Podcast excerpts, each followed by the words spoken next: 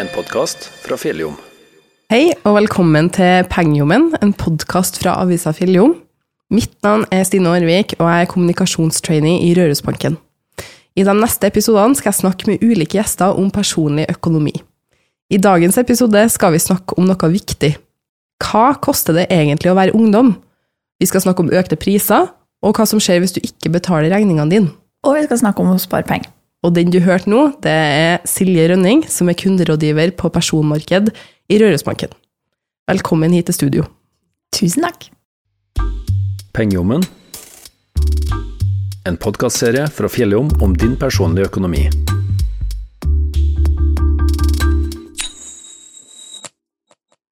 Vi to var nylig på Røros VGS og underviste i personlig økonomi for førsteklassen på studiespesialiserende. Og hva skal vi si om det besøket, Silje? Eh, veldig godt mottatt på VGS-en. Det er tredje året som Rørosbanken har eh, tatt over en samfunnsfagtime der. Eh, Temaet personlig økonomi er kanskje noe som mangler fra pensum eh, til videregående elever. Det syns vi er viktig å eh, gjøre litt rom for. Og vi byr gjerne på den kompetansen vi har. Nå skal vi gjennom litt av det samme som vi var gjennom i den timen på VGS-en. Um, og det, selv om man er over VGS-alder, så er det jo ikke noe grunn til å skru av, for det vi skal gjennom nå, det er, det er økonomisk stoff som er nyttig for alle. Uansett eh, alder eller livssituasjon, egentlig. Og kanskje mest da, for den som er ung. Kan jeg spørre hva dere bruker pengene på nå? Nei, det er mye forskjellig, men eh, det går eh, mest til mat. eh, jeg bruker en del i kantina på skolen, faktisk. Og en del til klær. Og ja, ganske mye forskjellig, egentlig. Ja, jeg er enig, enig der. Samme greia som han. Ja. Sko og kantine er det går på. Ja, hva koster det egentlig å være ungdom i dag? Starta jo innlegget vårt med å vise dem eh, et utklipp fra en sånn referansebudsjett som vi bruker i banken. Det er henta fra Oslo Met eh, og SIFO, eh, forbruksforskning, et referansekalkulator som de har laga der. Det viser hva det koster å være ungdom på 14 til 17 år. Og det viser litt sånn fordelt på poster og kategorier fra mat og mat til klær og underholdning og fritidsaktiviteter og mediebruk og lek og fritid og alt sånt.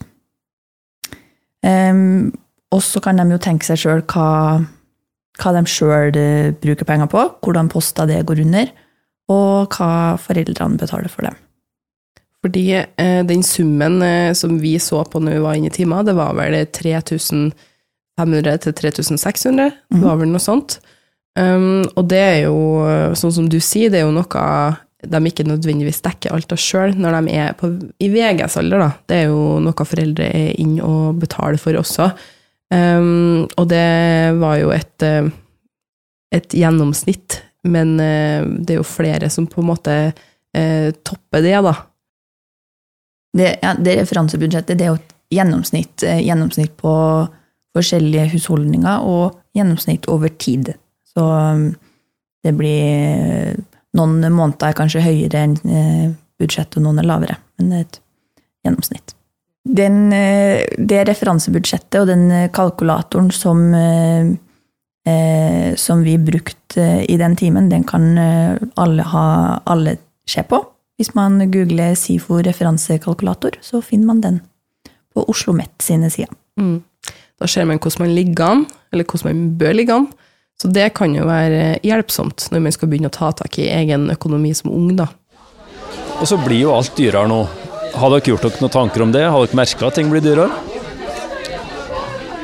Ja, jeg er jo en person som drikker veldig mye mjølk, og jeg merker at det er dyrere òg, for at jeg pleier å kjøpe det noen gang. Og matvarer går jo veldig mye opp, og så er strømprisene går også veldig mye opp nå. Ja, du merker det? Ja, ja, jeg merker for at jeg spør noen gang. Sånn kan er. Og jeg, jeg har en jobb òg, da ser jeg jo at noen priser går opp òg. Sånn sånn frø går veldig mye opp. Så dere følger litt med på generelle prisveksten, altså? Ja, det er jo, det er jo viktig, viktig å følge med på sånt, ja. Nå har vi hørt eh, guttene på Røros VGS snakke om økte priser på mat og strøm. Hva er det de prater om, egentlig? Det må vel være årets landeplage, med inflasjon.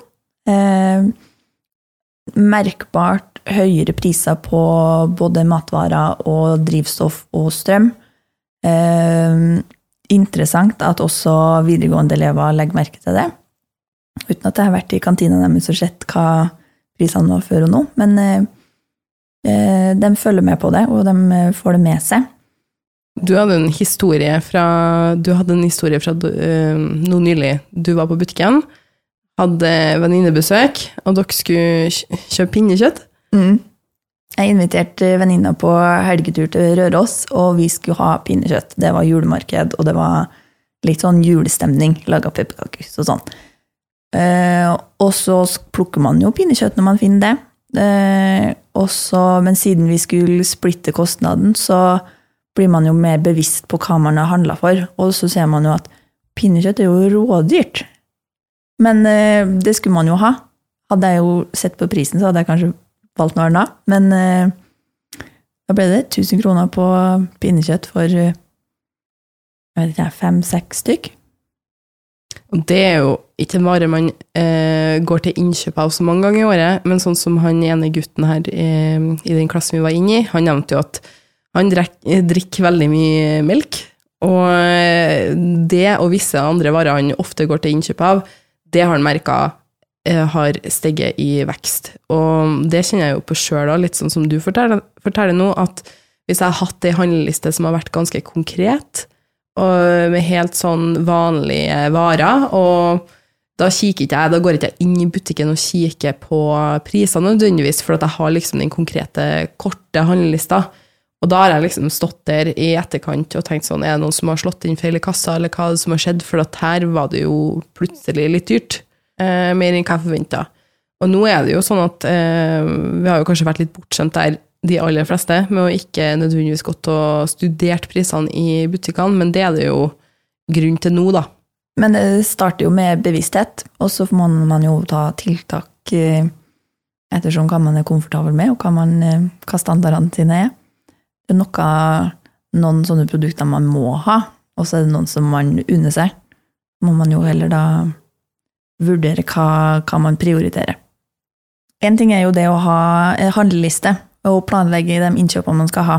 Men eh, en annen ting er jo når man står der i butikken med to forskjellige eh, produkt, eller fra to forskjellige produsenter, så velge. Det er jo mye, mye penger man, skal, man kan spare hvis man bruker litt ekstra tid i butikken og eh, gjør veloverveide valg, da. Hva er det dere holder på med? Um, Inkassokalkulator. Har dere fått regning, altså? Ja. Hvor mye var på?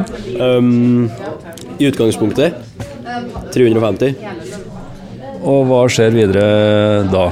Etter at du Uker Så gikk det til 450. Etter 12 uker så gikk det til over, eh, langt over 1000, ja.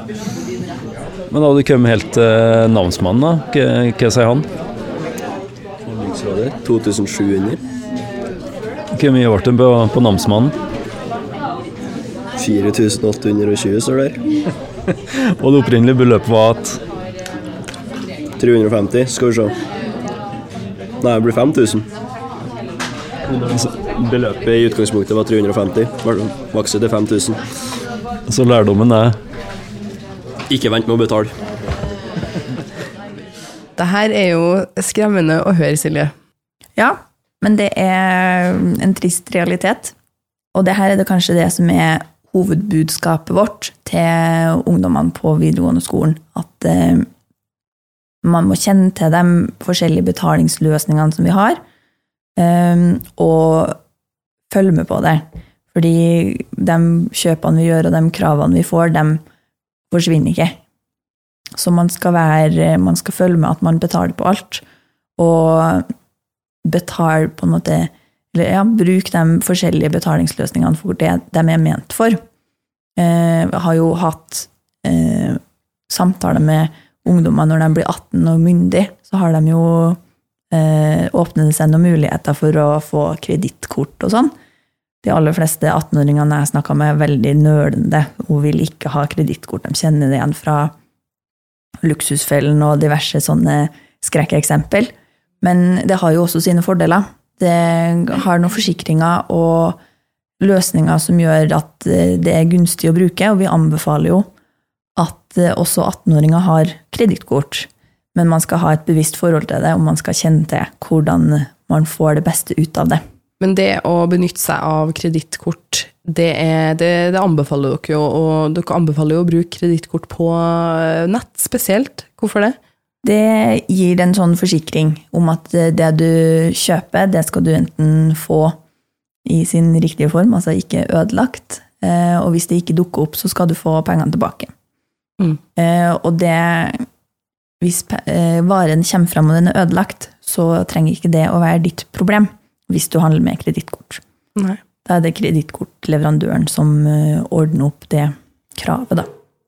Det finnes jo flere betalingsløsninger som på en måte har litt samme funksjon som kredittkort, sånn som Klarna og Kliro. Mm. Um, og der, eh, der finnes det jo både at man kan um, kjøpe med 30 dagers eh, utsettelse på, på fakturaen, og at man kan delbetale.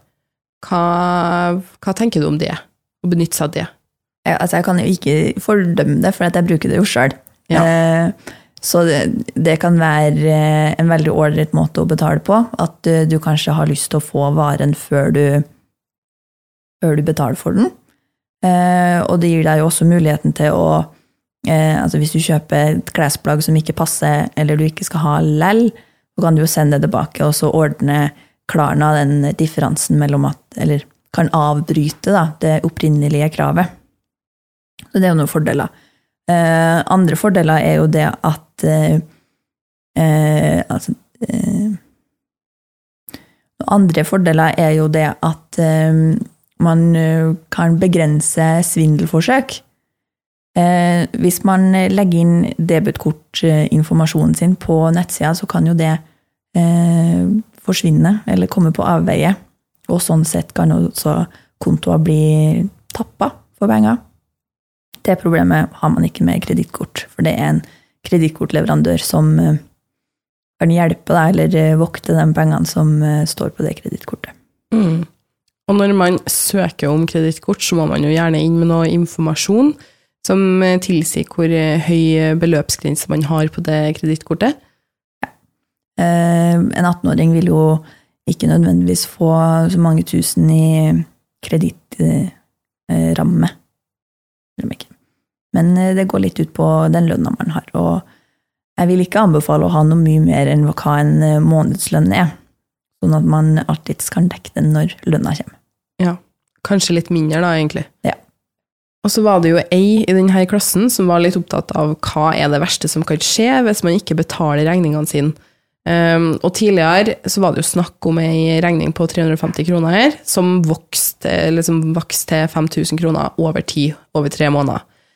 Hva skjer da hvis man har mange sånne krav som man eh, ikke får til å betale? Eh, Det går jo til namsmannen, de eh, kravene man har utestående. Det betyr også betalingsanmerkninger og den typen ting. Eh, Og så er det da litt begrensa hva banken kan hjelpe med. Eh, Det kommer litt an på hva man har av verdier, om man har bolig eller om man har noe lån i banken fra før. Om man ikke har det, så er det veldig begrensa hva vi kan hjelpe med. Eh, og da vil vi gjerne henvise til Nav, som har litt mer, eller andre eh, hjelpemidler enn det vi har. Men eh, dere har fått en oppgave nå. Hva, hva er det den går ut på? Den eh, som vi har nå, tenkte du på, eh, den går ut på å finne mm, eh, engangstegning og månedlig sparing og alt som sånn nyttige ting som du burde kunne når du har, som har med personlig økonomi å gjøre. Men spar dere nå? Ja. Eh, spar. Jeg vet, ikke hva jeg, jeg vet ikke hva jeg sparer til, men det er bare sparer. Det man ikke bruker penger på, er på en måte sparinga. Penger man ikke bruker. Og her hørte vi at guttene snakka om eh, litt forskjellig. Eh, Vi kan jo begynne med sparing. Hvordan bør man gå fram da, som en ung person? Sette seg noen mål, kanskje? Eh, få litt sånn bevissthet. Skriv en ønskeliste, kanskje. Eh, og opprette noe, eller lage noen gode, gode vaner. Hvis man får ukelønn, eller hvis man har en liten jobb, prøv å spare litt eh, hver måned. Og så er det jo ikke sånn at man skal spare nødvendigvis til pensjon når man er 16 år og fått sin første jobb, men utsett forbruket litt, kanskje. Kjøp, eh, kjøp det man unner seg, eller kjøp det man ønsker seg. Eh, og ja, etablere litt gode vaner. Ja. Litt eh, disiplin mot eh, sparing. Hva er det viktigste, da? Hva er det første man begynner med når man først skal spare? Jeg tenker jo at det er bolig som kanskje er første milepæl når man er ung. Eh, kanskje det blir særlig relevant etter man har studert og eh, ser for seg at man skal bo og jobbe en plass. Så er det kanskje bolig som melder seg først. Mm. Da er jo guttene inne på det med BSU. Men før man eventuelt går løs på BSU-konto, da, da er det, er det lurt å spare på en annen konto først? Eh, mange har en bufferkonto, og det er vel og bra, det. Da har man eh, spart opp litt penger for uforutsette utgifter. Og det er jo en egen liten forsikring eh, som man har, og som man bør ha. Da, hvis strømregninga blir ekstra dyr en måned, eller man plutselig inviterer til pinnekjøttlag, og så vet man ikke hvor, hvor dyrt det er for pinnekjøtt, så har man jo noe, eh, noe omstillingskapital da, Ja. som kan eh, man bruke til å rente seg inn litt. Hvor mye skal man ha på en bufferkonto? da? Det kommer jo sikkert litt an på hvilken type utgifter man har òg. Ja, og jeg tenker også det kommer litt an på hvordan eh, situasjonen man er i med jobb og bolig. Eh, om man har stor familie eller liten familie. Hvis man skal lage en eh, tommelfingerregel, da, så kan man operere litt med, med inntekta si. Eh, ha en månedslønning eller to eller tre på bufferkonto, sånn ut ifra hva du har av verdier som kan gå, gå sunn da, på en tid. Hvis man har hus, så kanskje eh, oppvaskmaskiner og eh, vannlekkasje samtidig. Hva, hva gjør man da? Da har man jo forsikring som dekker vannlekkasjen, men eh, oppvaskmaskiner må man dekke sjøl. Mm. Da må man ha en konto for det. Men du sier én til tre månedslønner. Ja. Det kan ta litt tid, da, hvis man er ung og ikke har den største inntekta, og får bygd opp den her bufferkontoen. Da må man rett og slett bare smøre seg med tålmodighet før man begynner på annen sparing. Ja, Man kan kombinere. Ja. Ta det litt som det kommer også. Eh, samme er det nå når man har brukt litt av bufferkontoen. Mm. Eh, så må man eh, ta tida til hjelp. Ja. Rett og slett. Det er jo ikke noe, det er ikke noe lån for sparing. Det, kan, det liksom utsetter bare problemet. Man må jo man må starte en plass Mm. og jobbe seg opp. Og det er jo lurt å ha den bufferkontoen, i stedet for å plutselig ende opp i en situasjon der man må ta et forbrukslån. Det er jo kanskje worst case, da. Ja. Mm. Jeg tenker kanskje worst case er også at eh, man ikke betaler de regningene som kommer. Ja. Da blir det jo dyrere. Nettopp. Ja, men hvis man nå har en, en god bufferkonto, og kan begynne med, med sparing til bolig, hvordan går man frem da?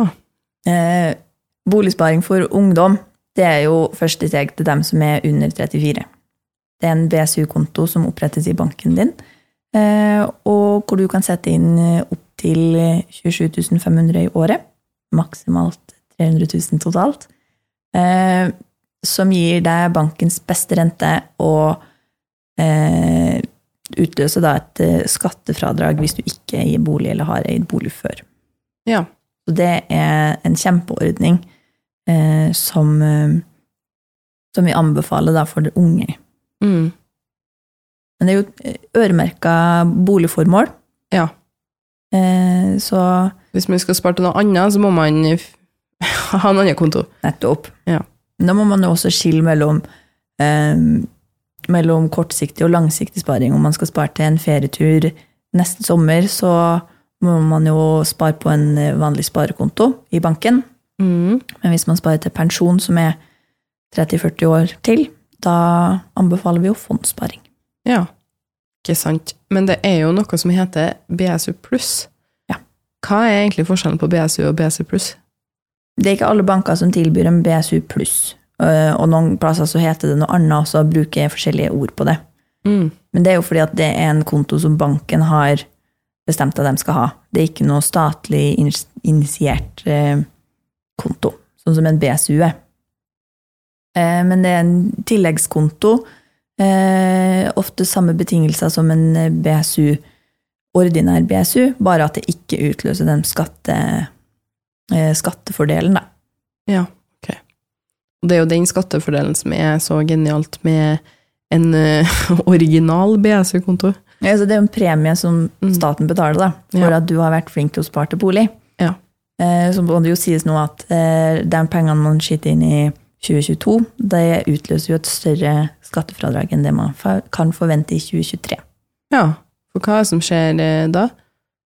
I 2022 så får man 20% skattefradrag på det man sparer. Mm. Hvis man sparer maksimum, som er 27 500, så får man 5500 i skattefradrag. Mm. Men i 2023 så er den halvert. Så da får man 10% skattefradrag. Og da eh, halvparten skattefradrag eh, hvis man har spart maksimum.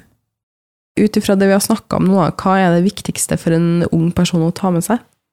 Når det kommer til sparing og det her med budsjett og, og hvordan man, eh, man bruker pengene sine. Mm. Jeg tenker Minimumet må jo være det at man kjenner til de betalingsløsningene.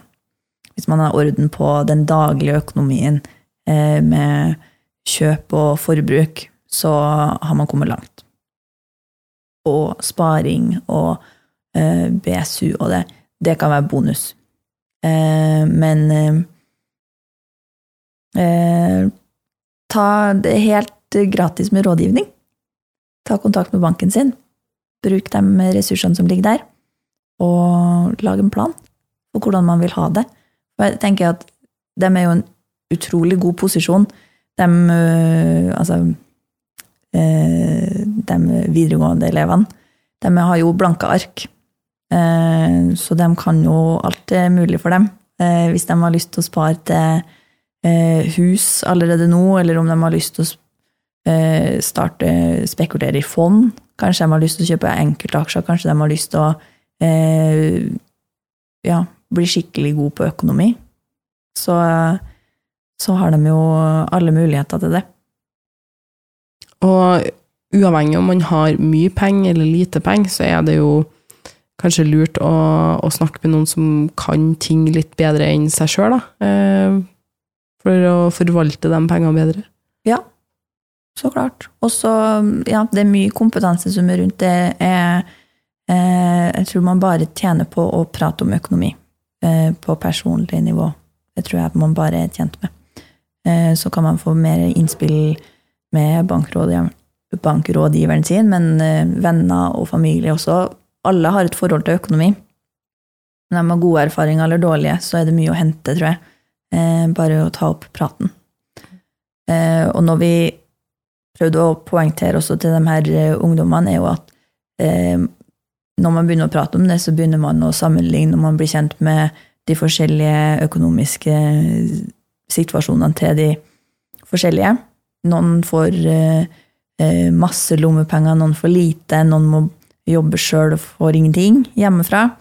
Noen har fått arv, og eh, noen foreldre har spart barna sine, noen har ikke. Det er lett å sammenligne om man sjøl er godt stilt eller dårlig. Eh, og sånn vil det være.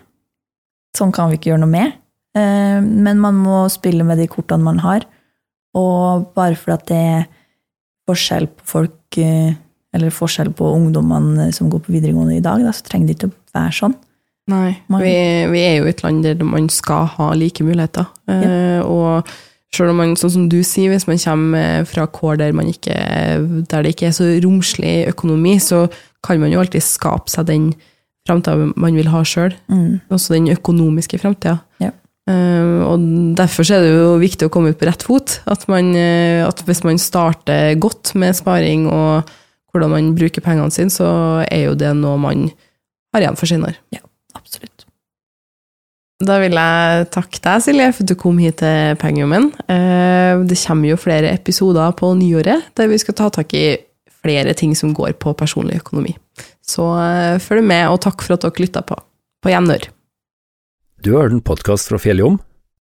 Alle våre podkaster finner på vår nettside fjelljom.no. Du finner dem òg på Spotify, Apple Podkast, Google Podkast og mange andre plasser der du finner podkaster.